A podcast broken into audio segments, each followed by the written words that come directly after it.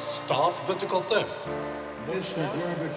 Mer demokrati, tear down this mer åpenhet og mer Statsbøttekottet. Hei og velkommen til Statsbøttekottet. I dag sitter Hedda her sammen med Vetle, og dette er en av to deler eh, i politisk atferd, pensumpodder. Eh, I disse poddene skal vi ta for oss eh, valgmodeller og politisk deltakelse. Det er viktig å huske på at pensumpodden ikke er ment som en erstatning for å lese pensum, men heller som supplement, og den beste måten å forberede seg til eksamen på er å lese pensum. Vi har også valgt å fokusere på valgmodeller og valgdeltakelse, for det er to viktige punkter på atferd. Eh, Men det er ikke de eneste viktige punktene, og det er ikke det eneste som kommer til å være relevant til eksamen, så det er viktig å kunne lese seg opp på de andre eh, elementene i faget. God lytting. Eh, velkommen til en, en pensumpodkast i eh, politisk atferd. Eh, Temaet for denne podkasten her vil være eh, eh, valgmodellene, eh, og da kan vi vel egentlig starte rett på programmet. Så da tenker jeg første spørsmål er jo hva er de klassiske modellene for stemmegivning? Eh, Ja, altså I kurset så har vi da konsentrert oss om tre hoved, eh, hovedmodeller som, eh, som er gjennomgått i detalj og også sammenligna med hverandre. Og Det er da skillelinjemodellen, som er en mer sosiologisk, historisk basert eh, modell for stemmegivning. Og så er det eh, Michigan-modellen, eller den sosialpsykologiske modellen for stemmegivning, som da har mer sin basis i, i sosialpsykologi. Eh, og vi har gjennomgått eh, rasjonalitets... Ja, det er kalt rasjonalitetsmodellen, men som i praksis er en eh, flere modeller som vi kan kalle det rasjonalitetsmodeller, da, som, eh, som har mer sin inspirasjon fra, fra samfunnsøkonomi.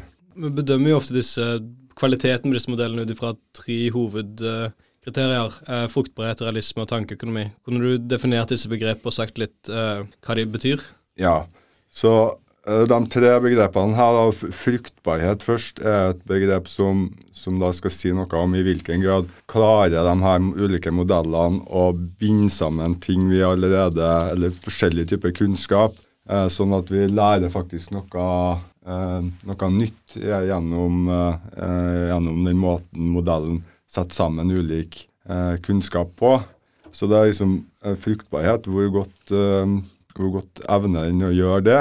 Og så er det realisme, som er eh, hvor gode de antakelsene som modellen bygger på, er de eh, realistiske og rimelige å, å bygge en modell på, og er de samsvarende med hvordan velgerne resonnerer og forholder seg til politikk.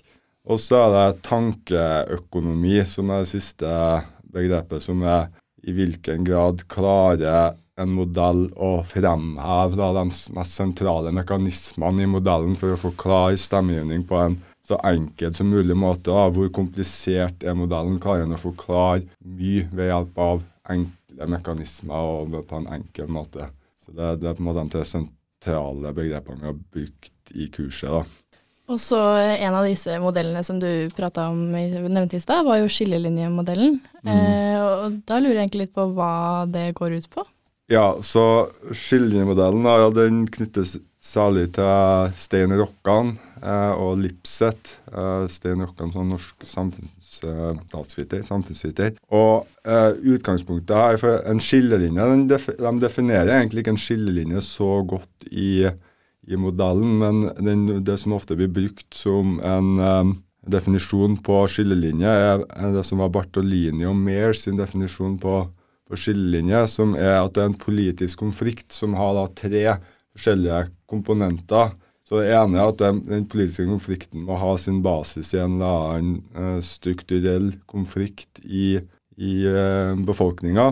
Eh, ofte kan det være noen eh, sosioøkonomiske konfliktlinjer, men det trenger ikke å være det. Det kan være sosiale eller kulturelle konflikter også, men det er objektive konflikter i, i befolkninga.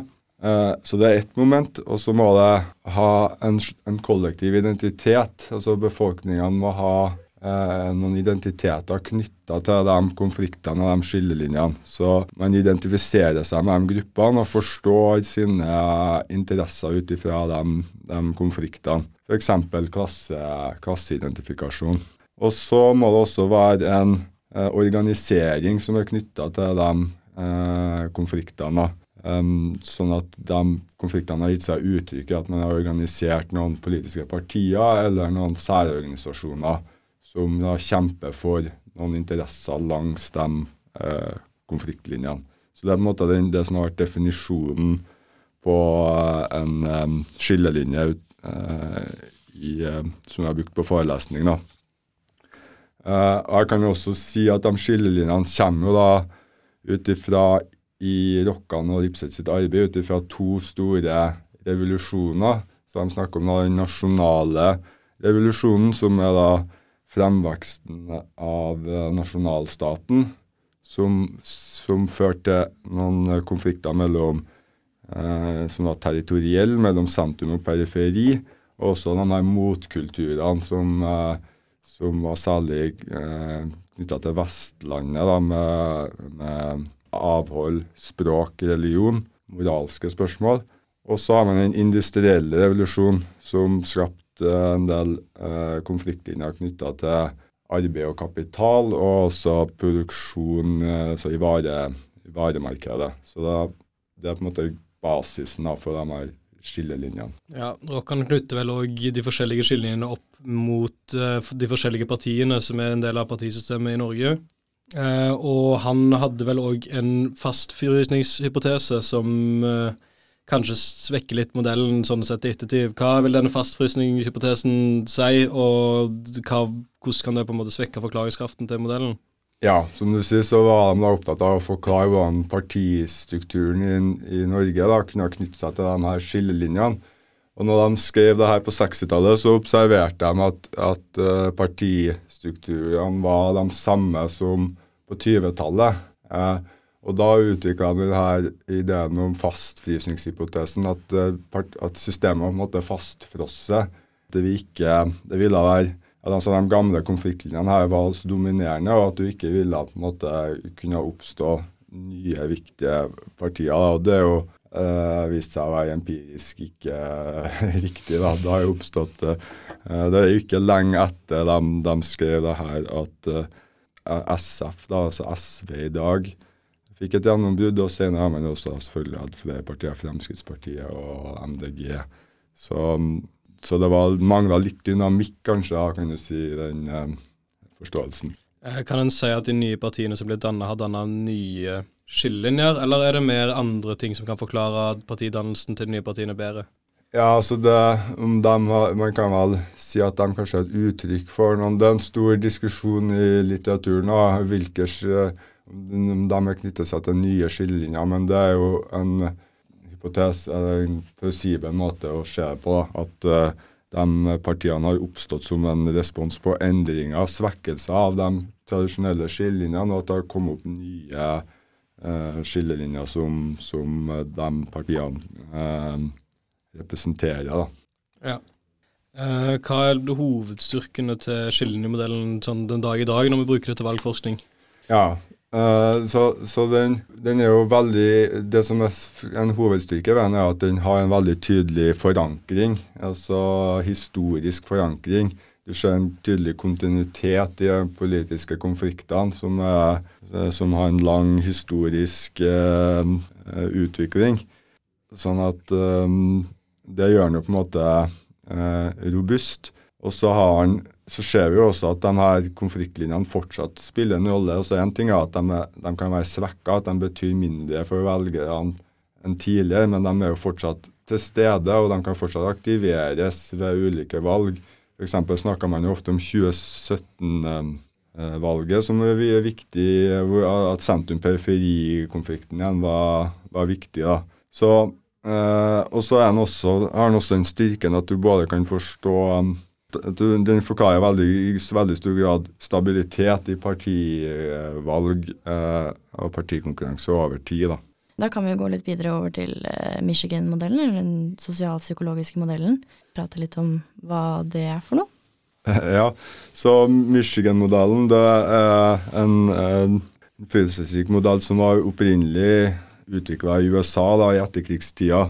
Så den istedenfor å ta utgangspunkt i historiske konfliktlinjer, så baserer den seg på sosialpsykologiske mekanismer som gjør at vi utvikler en identifikasjon med eh, ulike grupper, og, og også da partier. Sånn at det sentrale måte, variabelen i den eh, sosialpsykologiske modellen er partiidentifikasjon. Så modellen sier da at vi gjennom sosialisering i særlig oppveksten, da, formative, viktige år under oppveksten, i familien i særlig grad, så eh, lærer vi eh, eh, noen identiteter til, til politiske partier som vil være stabile over eh, senere i livsløpet, og som da styrer også vår eh, parti, eh, vår stemmegivning senere.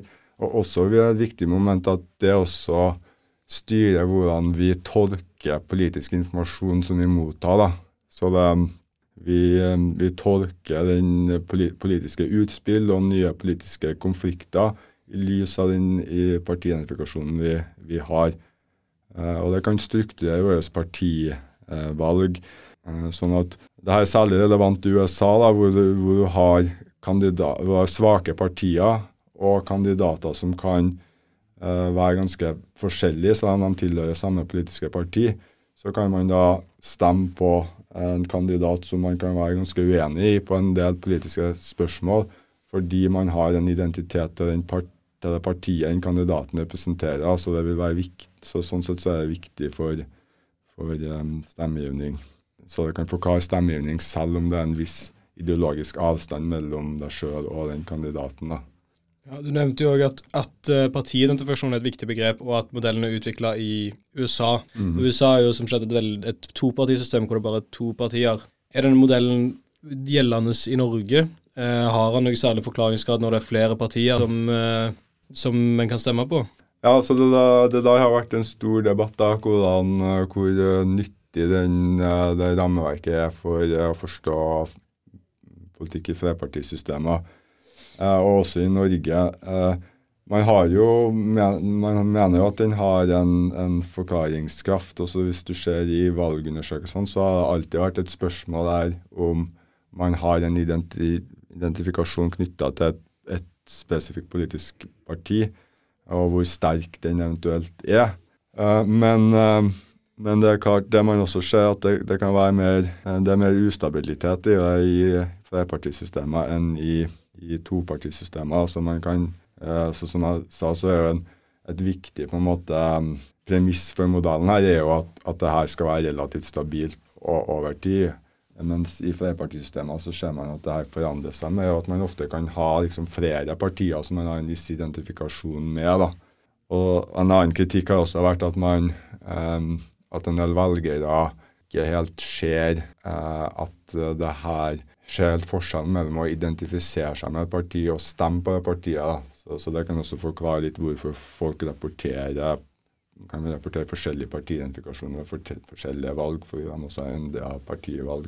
Ja, Taktisk stemming kan vel for eksempel, som er mulig til Norge, kan vel f.eks. ødelegge forklaringskraften til modellen i Norge til en viss grad. fordi at du vil ha Ap, derfor stemmer du, S, derfor stemmer du SV for å få en samla regjering. Ja, nettopp. Det er også det det, det er et veldig godt poeng. Så den kan ehm, Hvis du har, hvis du har klare politiske preferanser som du ønsker å dytte politikken i retning av, så kan det ofte være uh, ha, kan det ofte ha noen eh, gode grunner for å som du sier, stemme taktisk istedenfor å følge din egen uh, identifikasjon. Og da uh, hvis man, gjør, hvis man gjør det i stor grad, så så har man jo ikke det sterke psykologiske båndet til partiet som, som uh, modellen tilsier. Og i en amerikansk setting så vil jo det her være relevant på samme, på samme måte. Så det er, det er et godt poeng. Ja, da kan vi gå videre over til eh, rasjonalitetsmodellen, kanskje. Eh, litt om hva den er, og hva er styrker og svakheter ved den. Ja, så, så som jeg sa innledningsvis, så, så er det på en måte ikke én modell. Det var mer liksom et, et rammeverk for å, for å forstå politikk ut ifra. Ehm, som baserer seg eh, Istedenfor å ja, Som baserer seg på at vi er rasjonelle aktører som ønsker å optimalisere en eller annen Vi har noen klare mål med vår politiske atferd. ønsker å oppnå et eller annet, og velger da den eh, vår atferd ut ifra hva som i størst mulig grad gjør det sannsynlig at vi kan oppnå det vi ønsker å oppnå. da. Og, og et skille her, altså, Hvis du tenker på skillelinjemodellen, så den baserer seg veldig på atferd ut ifra plassering i sosiale strukturer. Eh, og Michigan-modellen baseres på en klar identitet. Så begge de eh, modellene antar også en stor grad av stabilitet, eller kan forklare en stor grad av stabilitet over tid. Mens rasjonalitetsmodellene, der er velgeren der er utgangspunktet at du som velger er på en måte mer fri, da. For du, du er ikke så bundet av de sosiale strukturene og av en psykologisk identifikasjon. Så her, eh, så sånn sett du, står du, fri, du står friere og er i stand til å avveie ulike alternativer opp mot hverandre. Og det gjør eh, Så det er veldig aktørdrevet modell. Og um, den er da veldig En styrke her er at den er veldig mye bedre eh, egnet til å forklare endringer. Det, er lett å forklare endringer innenfor denne type modeller. fordi eh, endrer du eh, dine preferanser, eller partiene endrer sine posisjoner, så, så vil også atferden din eh, naturlig kunne endres. da. Og denne Modellen kan også anvendes både til å forstå velgerne sin atferd, men også forstå hvordan politiske partier kan tilpasse sine partiprogrammer og partiposisjoner til endringer velg blant velgerne. Så det er liksom en, en styrke.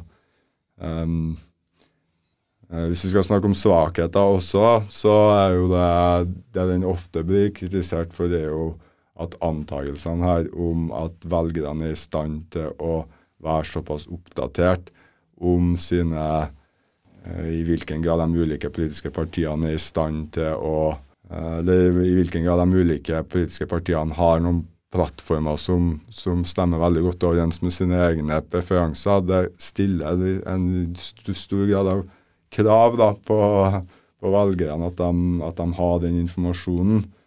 Så det er et, en typisk sterkeste vel, kritikken mot den. Så kan vi også si at en annen type kritikk er at politisk ideologi spiller på en måte veldig underordna eller liten rolle her da, innenfor denne type modellene. Det er jo ingen tvil om at ideologisk orientering er ganske viktig i, i politikken. Så du kan si liksom en modell som nærmest skreller bort det, utelater jo en del fra, fra politikken. da. Det er vel òg to hovedantakelser i den teorien. Det er vel det at, det er, at, er, at stemmere er rasjonelle aktører, og at de er nyttemaksimerende. Ja. Og det er vel ikke Det kan jo for, kanskje forklares med eh, ideologiske dreininger, men det er vel kanskje ikke alltid vist seg å være tilfellet at folk stemmer for å få mest mulig av sine egne ressurser. og Nei, så det er jo Der er det også en diskusjon om hva vi mener med, eh, med nyttemaksimering. da, Så det egentlig var er eh, I en ekstrem rendyrka rasjonalitetsmodell så, så vil det være som du sier, at man er utelukkende opptatt av sin egen lommebok. da, og går på en måte gjennom de politiske partiprogrammene og ser hvem er det som har en parti, eh, som som er mest gunstig for min lommebok. Men i prinsippet så er det ingenting i veien for at man kan tenke seg at eh, velgerne har man kan kalle det sosiale preferanser, at de har også noen eh, vil, ønsker å ta hensyn til eh, å maksimere noe annet enn bare nødvendigvis sin egen interesse. Da. Eh, men da er det klart at da må du eh, Hvor kommer de preferansene fra? Det kan jo ofte være litt uklart i sånne modeller. da. Ja. Så det er lettere på en måte å anvende dem hvis du bare antar at folk bare tenker på seg sjøl og sin egen lommebok. Hvordan brukes denne modellen i forskning på valgatferd i Norge? Bruker den mye, eller er den kanskje mer relevant andre Eh, også, ja, jeg vil vel si at akkurat denne måten å tenke på politikk på har kanskje ikke vært hatt en veldig sterk posisjon i norsk statsvitenskap, som jo har vært veldig dominert av, av skillelinjemodell og også ideologiske skillelinjer som vi, som vi Ideologisk orientering av den som eh, alle valgbøkene til Bernt Årdal og sånn oppgjørsjonaliserer. Men det betyr ikke at Men det, det her er en type modell. Det er jo for så vidt også en forskjell fra skillelinjemodellen, som, som er liksom, liksom kontakt, kontekstløs. da. Den kan på en måte i prinsippet anvendes i alle kontekster. Men den er jo også, i hvert fall hvis vi snakker om noen arter av en sånn som medianvelgerteori og sånn, så er jo den mer eh, lettere å eh, anvende, og, og den passer for topartisystemer og ikke for flerpartisystemer. Ja, for medianvelgerteori er vel at alle partier, eller alle partier forsøker å fange de som er på midten, for det er der flertallet ligger. Ja, så medianvalgmoralen i utgangspunktet er det egentlig en måte å forstå hva slags politikk som blir ført på, ut ifra Så i sin, i sin rene form så, så, eh, så har medianvalgmoralen noen Altså, den tar utgangspunkt i hva som er velgerne sine preferanser for en type politikk. Og så fremmer politiske partiene noen eh, politiske plattformer for den type politikk. Og så vil velgerne da foretrekke det partiet som er nærmest eh, den preferansen man sjøl har. Og hvis velgerne da er plassert i midten, eh, eller flertallet av velgerne er plassert i midten, vil det føre til et press for, eh, på de politiske partiene om å, om å flytte sine politiske plattformer inn mot midten, for det er da de eh, vil få flere velgere.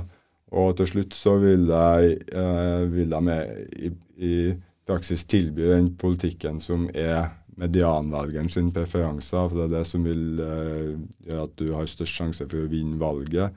Og da vil de også implementere den politikken som er medianvelgeren sitt ønske. Og Hvis medianvelgeren skifter sine preferanser, så vil også politiske partiene skifte sine preferanser.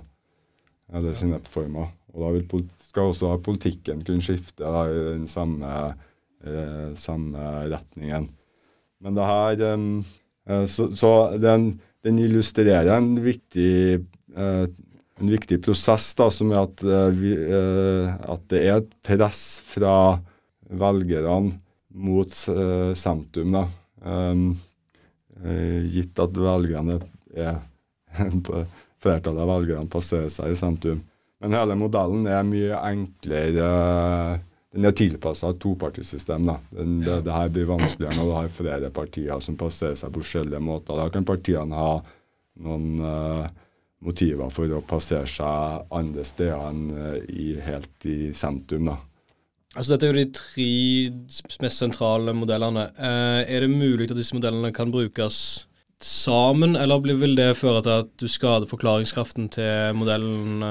Ja, eh, også i den valgboka på, på pensum, så har de jo et kapittel som, som, også, ja, som er på pensum, hvor, hvor de prøver å kombinere måte, innsikter da, fra alle de her modellene i en felles modell.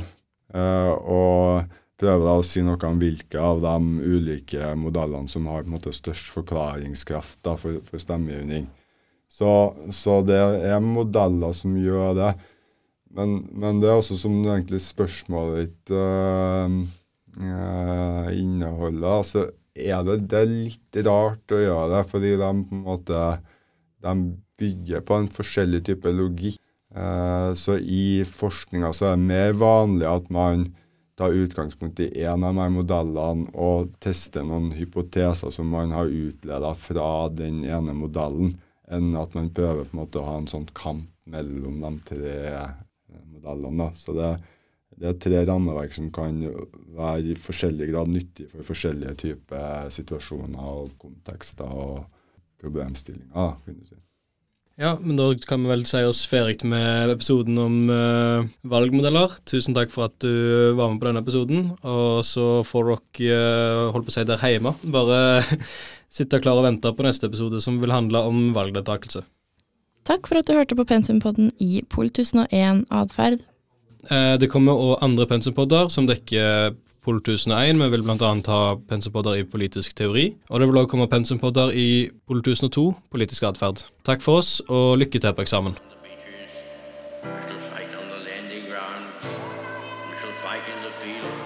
Statsbøttekottet. Mer demokrati, mer Statsbøttekottet.